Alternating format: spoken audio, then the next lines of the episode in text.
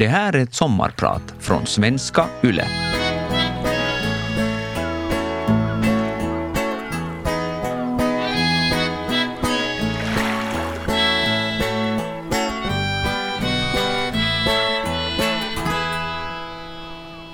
Vänster, höger, vänster.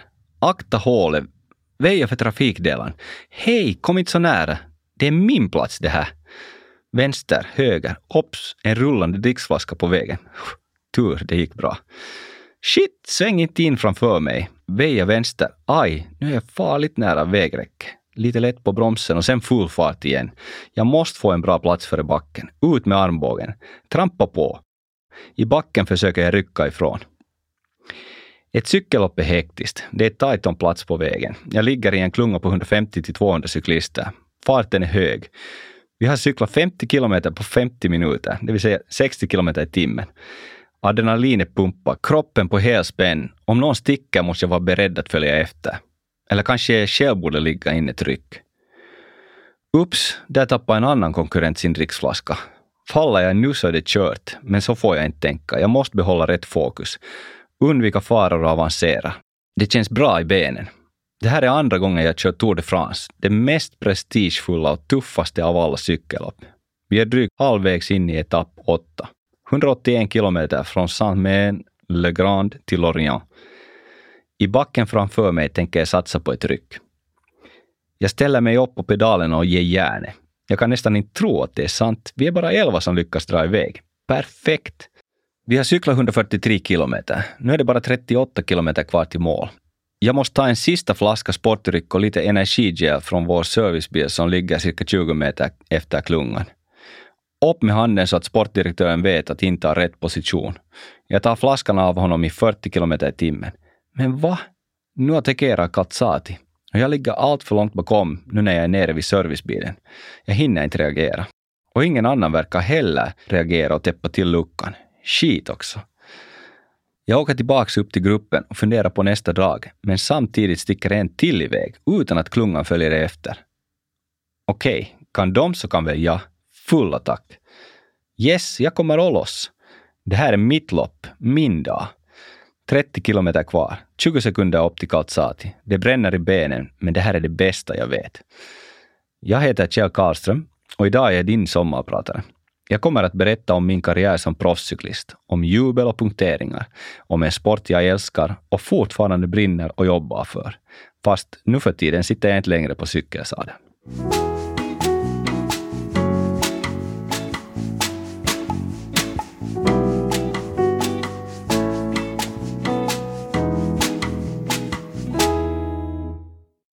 Det är år 1989. Jag är 12 år gammal bor i Sannäs i Borgå. Min bästa kompis Mattias Hannus bor i Renum och dit är det tre och en halv kilometer. Vi cyklar så att gruset yr. Fram och tillbaka mellan husen där vi bor. Och jag blir oftast efter. Och förstås klagar jag på att det är cykeln det är fel på, inte på mig. Att den är inte tillräckligt snabb. Mattias bara skakar på huvudet, är trött på mina bortförklaringar och säger köp en tävlingscykel då, så ser vi.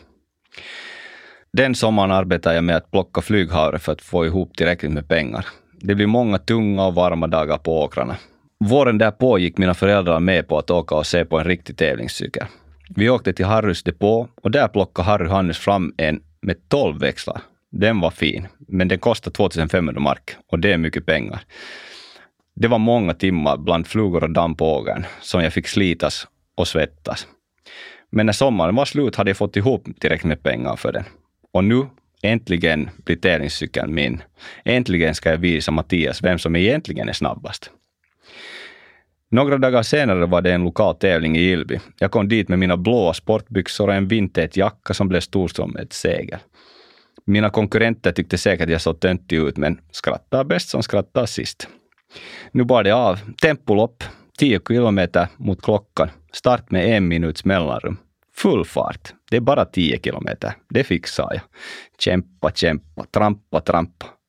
Oho, där susar Bremer förbi. Hur kan han cykla så hårt? Och där kom Åberg och där Mattias. Jag känner mig långsam. De andra är långt före och jag förlorar med mer än tre minuter. Jag försöker komma på någon orsak och till slut kommer jag på det. Jag måste nog skaffa cykelkläder och kanske cykla lite mer. Det här får inte fortsätta. Jag vill inte kämpa om sista platsen. Jag vill vara bäst, vinna. Och en kväll när jag låg i sängen bestämde jag mig. Jag ska bli lika bra som mina kompisar. Juniorlandslagsåkarna Mattias, Kristoffer och Jan. Innan jag fyller 18. Jag har fem år på mig. Det är bara att börja träna ännu hårdare. Att cykla 2500 kilometer i året är helt på tok för lite.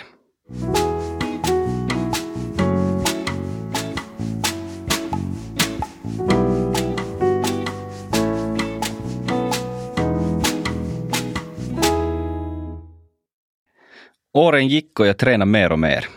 2500 kilometer blev till 6000 kilometer och sen till 12, 15 och till och med 18 000 kilometer. Jag var nu i slutet av mina juniorår och hade i alla fall blivit så bra att jag kommit med i träningsgrupper och till och med tävlat för landslaget i Holland och i Tyskland. I Holland var det platt och i Tyskland var det backigt. Det verkar som om det backiga passade mig bättre. I Holland klarade jag mig inte något vidare, men i Tyskland var jag bäst av alla i landslaget. Och efter tävlingen så märkte jag det. Jag hade uppfyllt mitt första mål, att bli lika bra som mina kompisar. Under mitt sjunde år som tävlingscyklist nådde jag en framgång som öppnade dörren till proffslivet lite på glänt. Jag deltog i andra tävlingen Postgiro i Sverige och ställdes mot många proffs som förberedde sig inför Tour de France. Redan på första etappen var det full fräs, men jag lyckades hänga med i gruppen som bröt sig loss ur fältet. Och det gav inspiration. Tänk att jag lyckades hålla jämna steg med elitåkare som knappt tre veckor senare skulle åka i Tour de France. Jag bestämde mig för att följa med i varenda en utbrytning. Det här var en chans att visa upp mig som jag tänkte ta tillvara till varje pris. Och visst, jag lyckades. När veckans etapper var slut var jag bäst av alla i U23-klassen. Och det betydde att jag var en av de mest lovande cyklisterna. Och det borde ju betyda att proffstallen skulle få upp ögonen för mig. Och nu var mitt nästa mål lika självklart som stenhårt. Jag skulle bli proffs. Göra cykling till mitt yrke. Följande år kom jag tillbaka med målsättningen att upprepa min seger, men tyvärr sket det sig redan i ett tidigt skede. Pang! Punktering vid fel tidpunkt och vips var mina chanser borta. Cykling är en tuff sport med små marginaler. En vass sten eller en glasbit på fel ställe kan ställa till med så mycket. Om jag hade lyckats upprepa segern hade jag antagligen skrivit kontrakt med ett av proffsstallen på plats. Kanske till och med stallet TVM som var ett riktigt starkt lag. Det hade varit en dröm som gått i uppfyllelse och gett mig både ekonomisk trygghet och fantastiska träningsmöjligheter med flera av världens bästa. Men istället fick jag bita ihop i slasket hemma i Borgå. I slutet av året tänkte jag ta min stora revansch. Det var VM i Valkenburg och jag var i perfekt form. Tävlingen gick också bra, i alla fall ända till slutspurten. Jag låg precis bakom norska stjärnan Hushovd och skulle attackera då jag fick kramp. Hushovd slutade femma och jag själv slutade på en 21 plats. Det var ju inte egentligen dåligt, men absolut inte vad jag var ute efter. Tävlingen gav ändå mer smak och jag hade närmat mig världseliten. Tre år tidigare, år 1995, såg det betydligt sämre ut när jag tävlade med landslaget i Danmark runt. En av etapperna var ett tempolopp på cirka 15 kilometer. Och jag råkade starta en minut före Bjarne Riis som just hade kört Tour de France. Efter sju kilometer kom jag till en liten backe med två skarpa U-svängar. Jag saktade in för att inte slungas ut i kurvan och precis då kom Bjarne ikapp mig. I full fart tar han sikte på kurvan, bromsar i sista stund, kastar sig in i kurvan och spurtar i full fart ut ur den igen. Och själv behövde jag inte ens bromsa. Farten var ändå tillräckligt låg för att inte kurvan skulle vara farlig. Så stor skillnad var farten mellan oss. Senare i pressen uttalade sig Bjarne att han inte förstår varför Danmark runt ska bjuda in länder som Finland och Polen som inte ens nära på en bra nivå. Pinsamt. Men ur utvecklingssynpunkt var det faktiskt riktigt viktigt för oss finländare att vara där. Från vårt lag var vi tre bland de fem sista i tävlingen, så det kunde ju bara bli bättre. På vägen hem i vår trogna paketbil pratade vi om vad som hade hänt. Och förstås kom tankarna in på hur det kommer sig att Bjarne Riis och de andra i täten kan köra så hårt och vad gör de riktigt? Någon sa att de säkert använder doping och jag sa bestämt att det kommer jag aldrig att göra. Tapio Niemi som var en av de där mer erfarna i landslaget spände ögonen i mig och sa Säg inte sånt som du inte kan hålla när du blir proffs. Hjärta bulta. Hur kunde han säga något sånt? Jag kan nog tänka själv och jag har visst ett val. Lägga av eller göra mitt bästa med de naturliga förutsättningarna jag har. Och utan att vika undan blicken svarar jag, jo, det kan jag nog säga, för jag vet att jag kommer att hålla det. För när jag sitter i gungstolen när jag blir gammal och ser på mina pokaler så kan jag säga att det där gjorde jag själv, ingen doping. Det här ögonblicket var viktigt senare i livet, när även jag uppmuntrades att börja använda doping. Efter nio år som tävlingscyklist med många tävlingar över hela Europa bakom mig, så kom äntligen frågan jag väntar på. Vill du bli proffs? Och jag hade precis imponerat stort genom att vinna en tävling i Serbien och var rätt säker på att det här skulle leda till ett kontrakt. Jag var upprymd, men jag kom snabbt ner på jorden. Proffskontraktet som erbjöds var en flopp, en riktigt dålig deal med ett litet lag i Polen. Och det här skulle nu inte ta mig närmare toppen, så besviken insåg jag att det enda rätta var att tacka nej.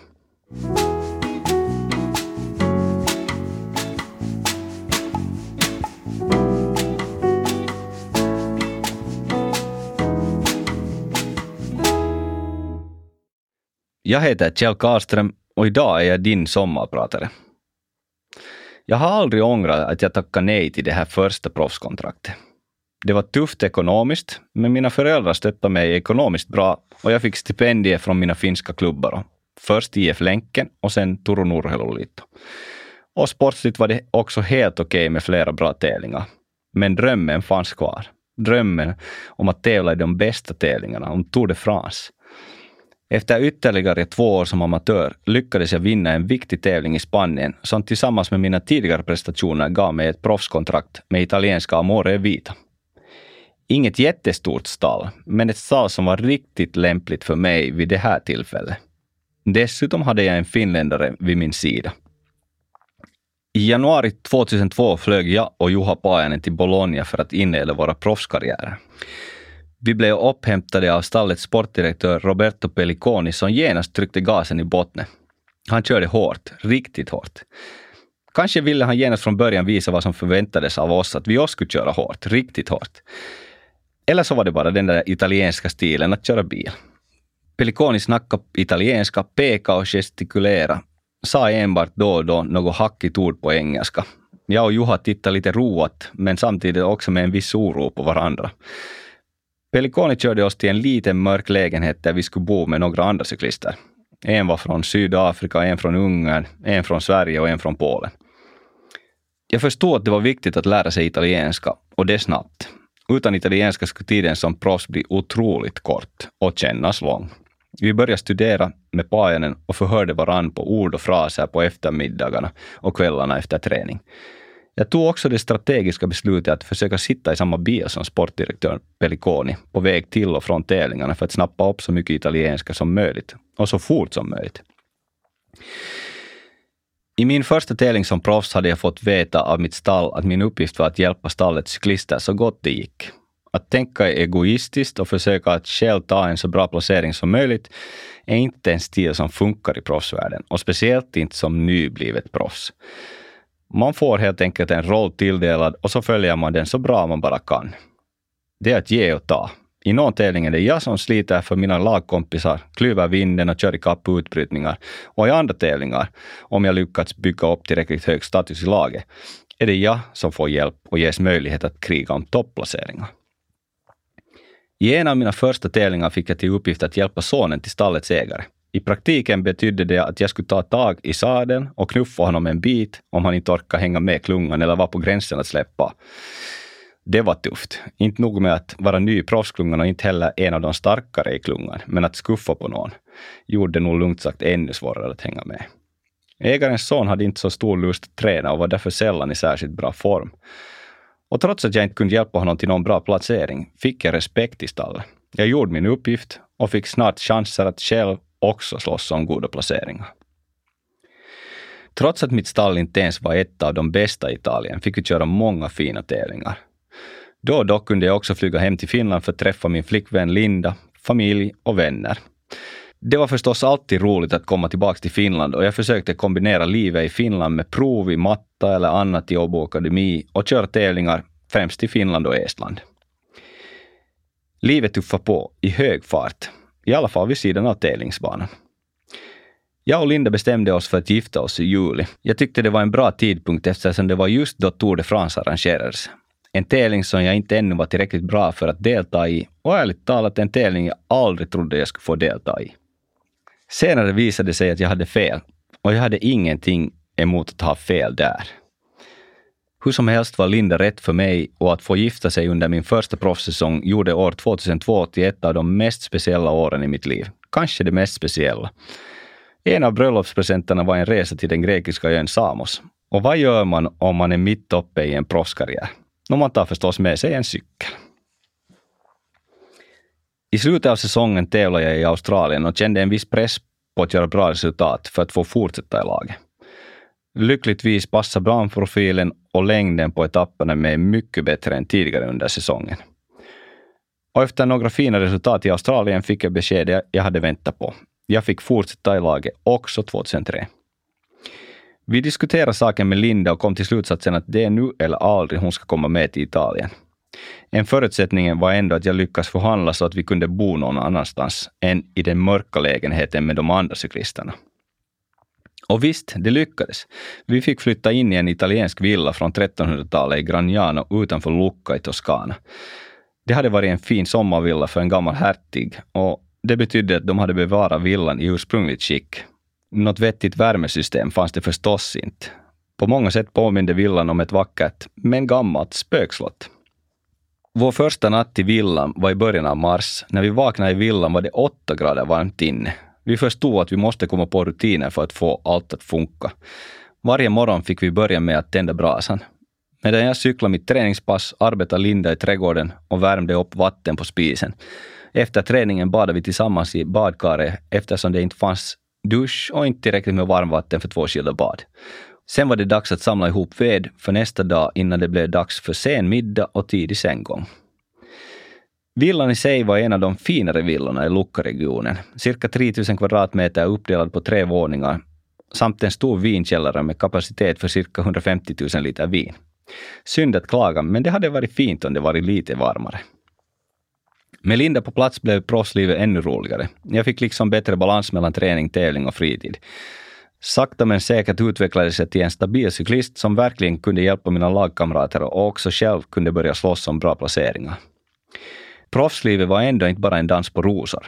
Som idrottare finns nämligen en sak som kan förstöra så mycket. Doping.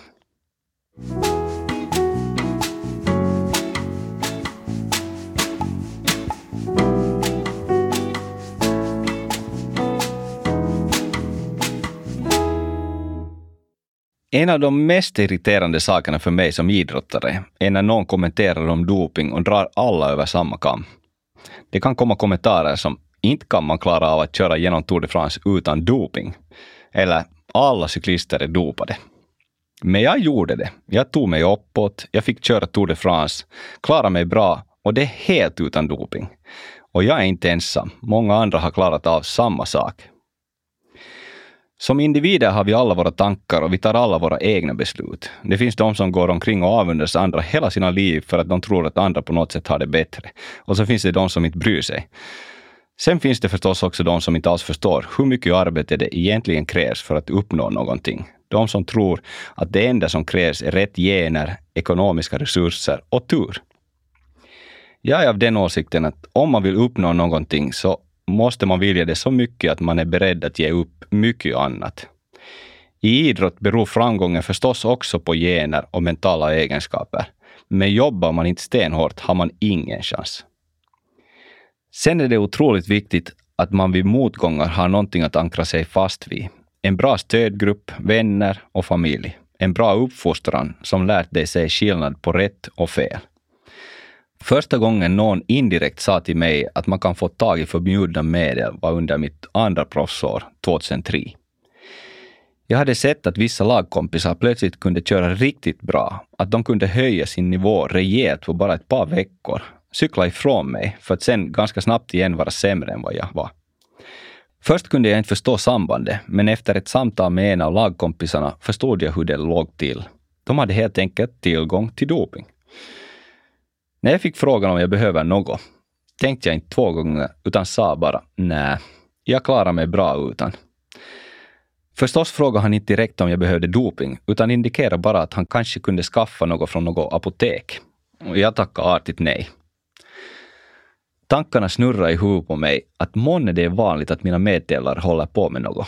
Kommer jag någonsin att komma någon vart när jag har bestämt mig att inte använda något doping?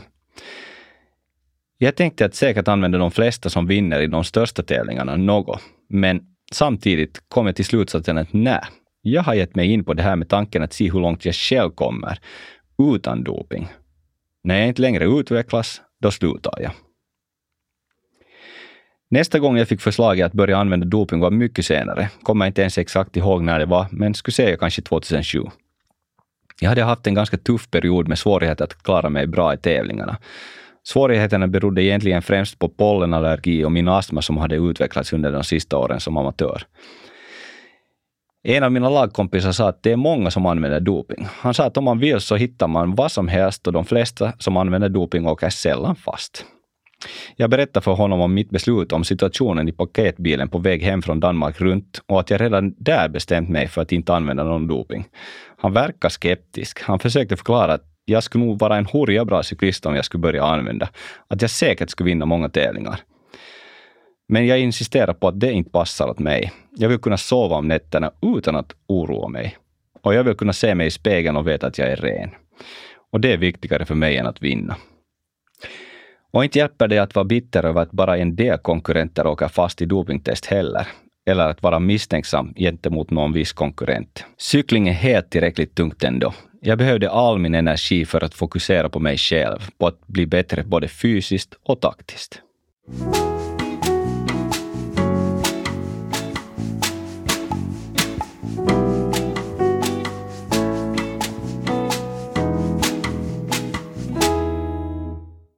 Efter att ha tävlat två år för proffslaget Amore Vita fattade jag ett beslut. Om jag inte efter den tredje proffssäsongen lyckades ta mig till ett bättre och finare lag, så slutar jag. Det måste ha gett tillräckligt mycket extra motivation för att jag både träna och åt bättre än någonsin tidigare.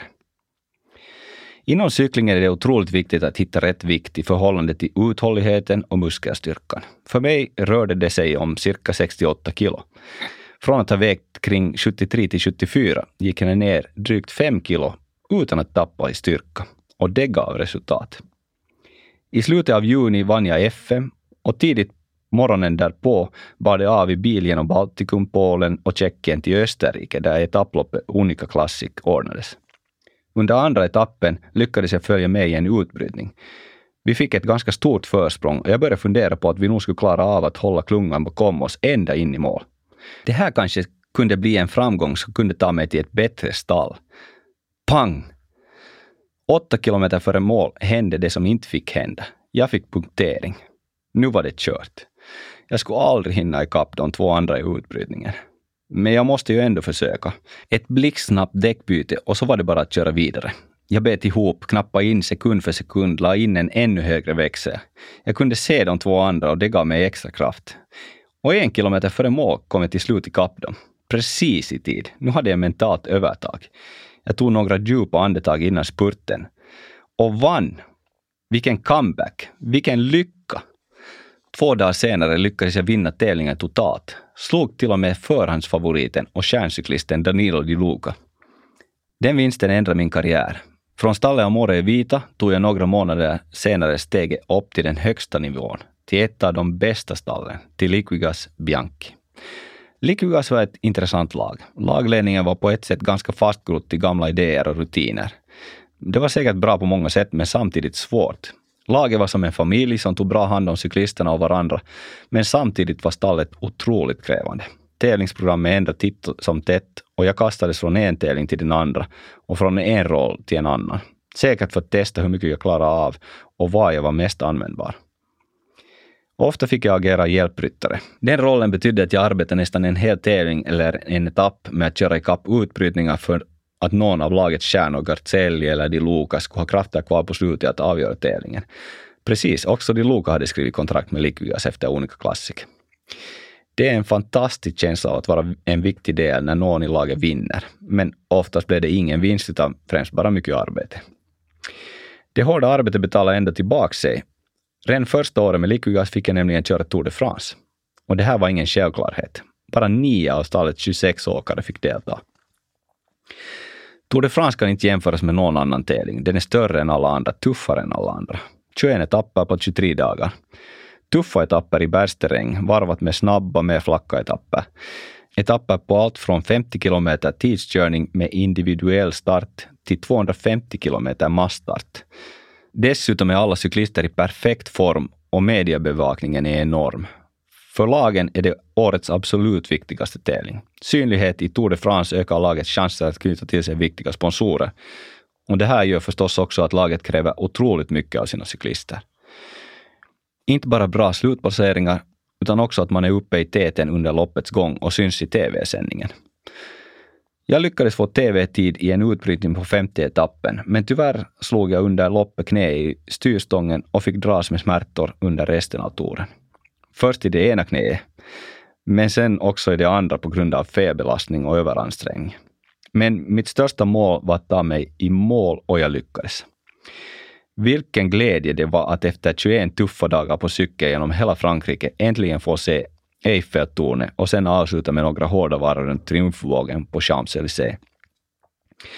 Följande år nöjde jag mig inte med att ta mig i mål. Då var jag på riktigt med och kriga om en etappseger.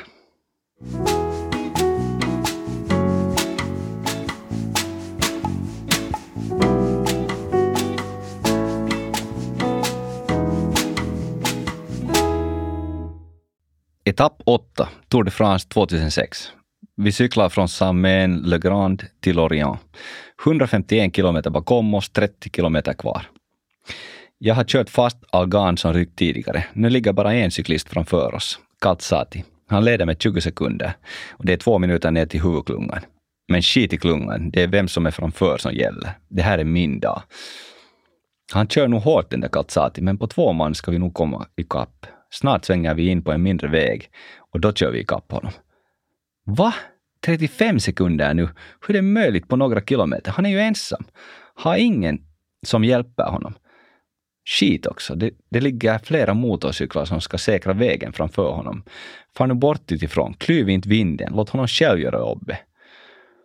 Nu måste vi byta ihop. Om 10 kilometer är det medvind. Då måste vi nog ha åtminstone 50 sekunders försprång till den där jagande klungan. Huvudklungan knappar hela tiden in. Det här blir tiok. Come on Patrice, let's go! Där är svängen till vänster om Evin. Come on! Hur stort är försprånget? 50 sekunder ner till klungan och 1.30 till ledaren. Okej, okay. två. Jag kan bli två på etappen. Upploppet närmar sig och klungan är inte för nära ännu. Spurten börjar. Jag ställer mig upp på tramporna. Cykeln slänger från sida till sida. Det verkar i benen, men vad gör den när Algan ska få ge sig? Yes, jag blev två. Två på en etapp i Tour de France. Största tävlingen i världen. Men ändå rankar jag inte den här pallplatsen som störst i karriären. När jag fyllde 30 fick jag en bok av en bekant före detta cyklist Paul Churo från Australien. Boken heter Think and Grow Rich av Stuart Saddell. I boken går Saddell igenom olika egenskaper och rutiner som behövs för att bli rik. Medan jag läste boken förstod jag att jag redan hade applicerat många av bokens idéer på mitt idrottsliv. Men jag förstod också att jag kunde använda mig av mycket mer av det som stod i boken för att bli en bättre cyklist. Jag hade varit proffs i fem år och började nu tänka mer exakt på vilka mål jag ville uppnå. Boken hjälpte mig förstå hur viktigt det var att faktiskt se målet framför mig, att verkligen kunna drömma mig in i situationen och tänka igenom hur jag skulle klara av uppgiften. Hjärnan är vår starkaste muskel. Med den reglerar vi allt. Jag bestämde mig för att jag ville ta mig till OS och kanske ännu viktigare, jag ville vinna en etapp på Pro-touren. Året innan hade jag tagit den där andra platsen på en av etapperna i Tour de France, så jag visste att det var möjligt. I anrika cykelloppet Paris-Nice 2008 fick jag chansen. I början av den tredje etappen kände jag att det kunde vara min dag. Min chans låg inte i en stor spurt med hela fältet samlat, utan att bryta mig loss i en liten grupp innan spurten. Efter en timmes hård körning var vi bara tre stycken som lyckades bryta oss loss. Tio kilometer senare hade vi redan ett sju minuters försprång och efter tio kilometer till ledde vi med hela elva minuter. Då bestämde vi oss för att hjälpas åt och dra turvis så att inte klungan skulle komma ikapp. Vi gav järnet. Efter ett riktigt hårt arbete kom vi till sista backen med fyra minuter till godo på klungan. Backen var ungefär 10 kilometer lång och ganska brant. Precis när vi började klättra satte en av konkurrenterna in ett ryck. Jag fick ge allt för att hänga med och var på vippen att spränga mig. Lyckligtvis slog han av på takten och sneglade bakåt. Jag var helt slutkörd, men bjöd på en cool lugn min, som om vi var ute och cykla en lätt runda. Den var nog inte så lätt. Åtminstone inte för den tredje gruppen som fick släppa den. Ett nytt ryck och igen samma procedur. Han kollar på mig och jag visar att jag är helt okej, okay, fast jag egentligen pressar kroppen till max. Tre gånger till försökte han rycka loss, men jag lyckades med nöd och näppe hålla hans tempo. Hålla drömmen om en etappseger vid liv. När vi äntligen nådde toppen av backen fick jag en chans att återhämta mig. I landsvägscykling är en av dina värsta fiender blåsten. Helst av allt vill du ligga bakom någon för att slippa klyva vinden och på det sättet spara krafter. Det var också min taktik inför spurten. Jag låg bakom och 200 meter före mål, pang! Nej, den här gången var det inte däcket som smal. Det var jag som skjuten ur en kanon spurtade upp jämsides och förbi min konkurrent. Jag sträckte händerna mot himlen och jublade. Min största vinst någonsin. En obeskrivbar intensiv känsla. Men tyvärr varade den inte länge. För följande dag var det dags för en ny etapp igen. Och lite efter tävlingen i Paris-Nice fick jag en riktig kalldusch. Jag fick veta att de hade ändrat på kriterierna för att komma med till OS. Istället för att räkna med alla tävlingspoäng fram till slutet av april som jag trodde, hade de dragit gränsen vid december 2007. Jag hade för få poäng och det blev inget OS igen. Vilken besvikelse!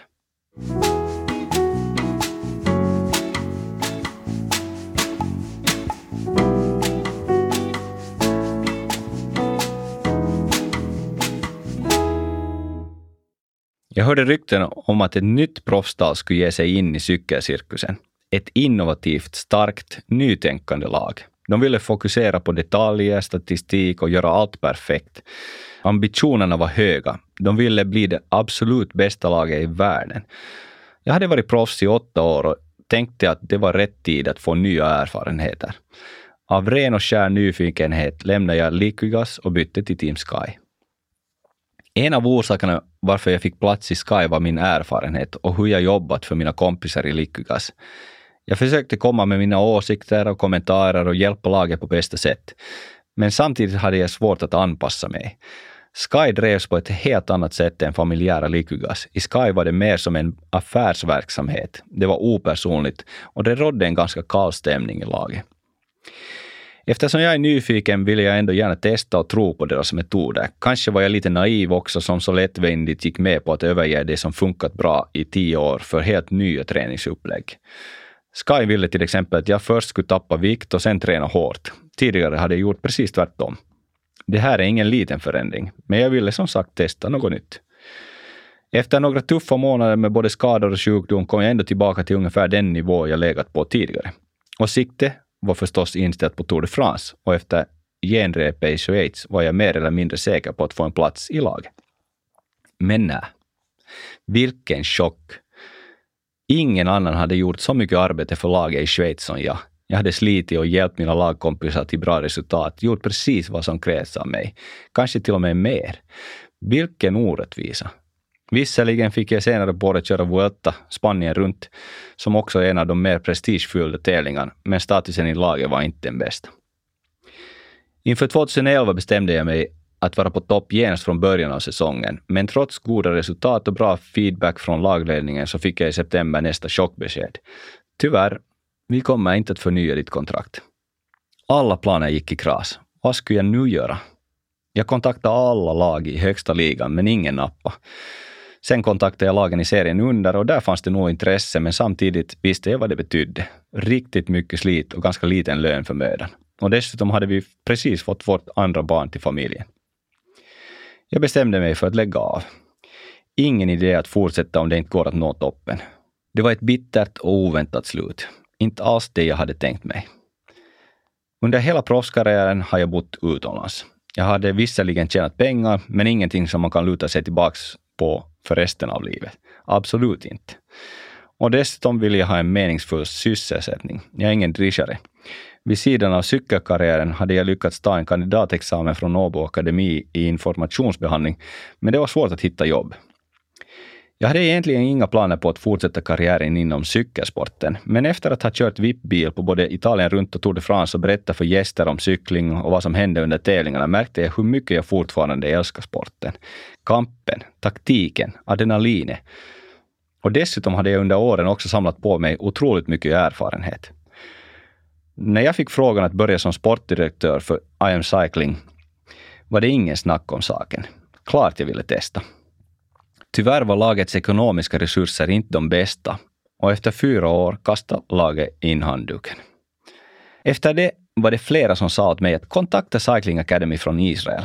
Och jag blev lite motvilligt intresserad. Vad var det här för något? Ett lag från Israel? Men med basen för sin verksamhet i Spanien.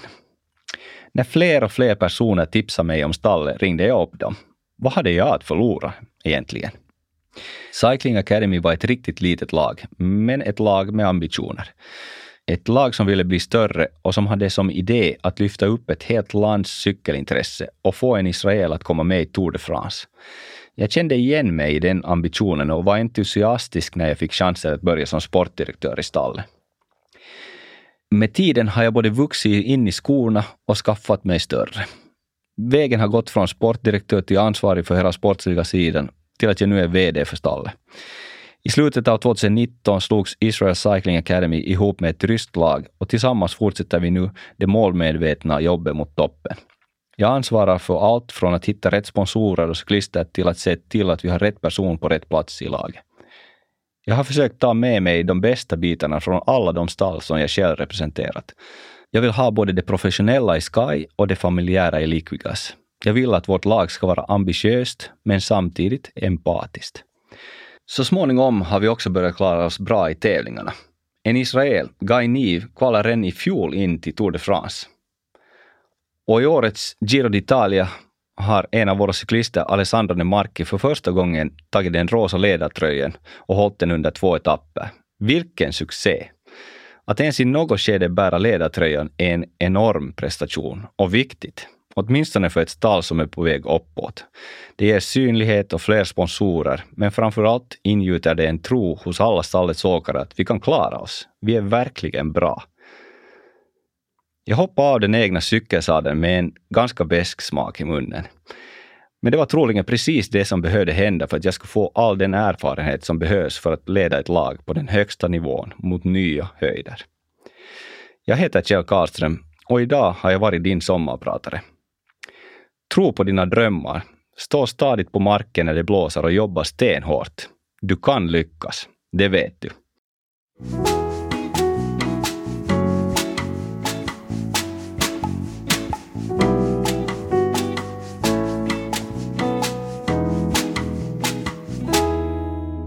Vegas sommarpratare produceras för Svenska Yle av Parad Media.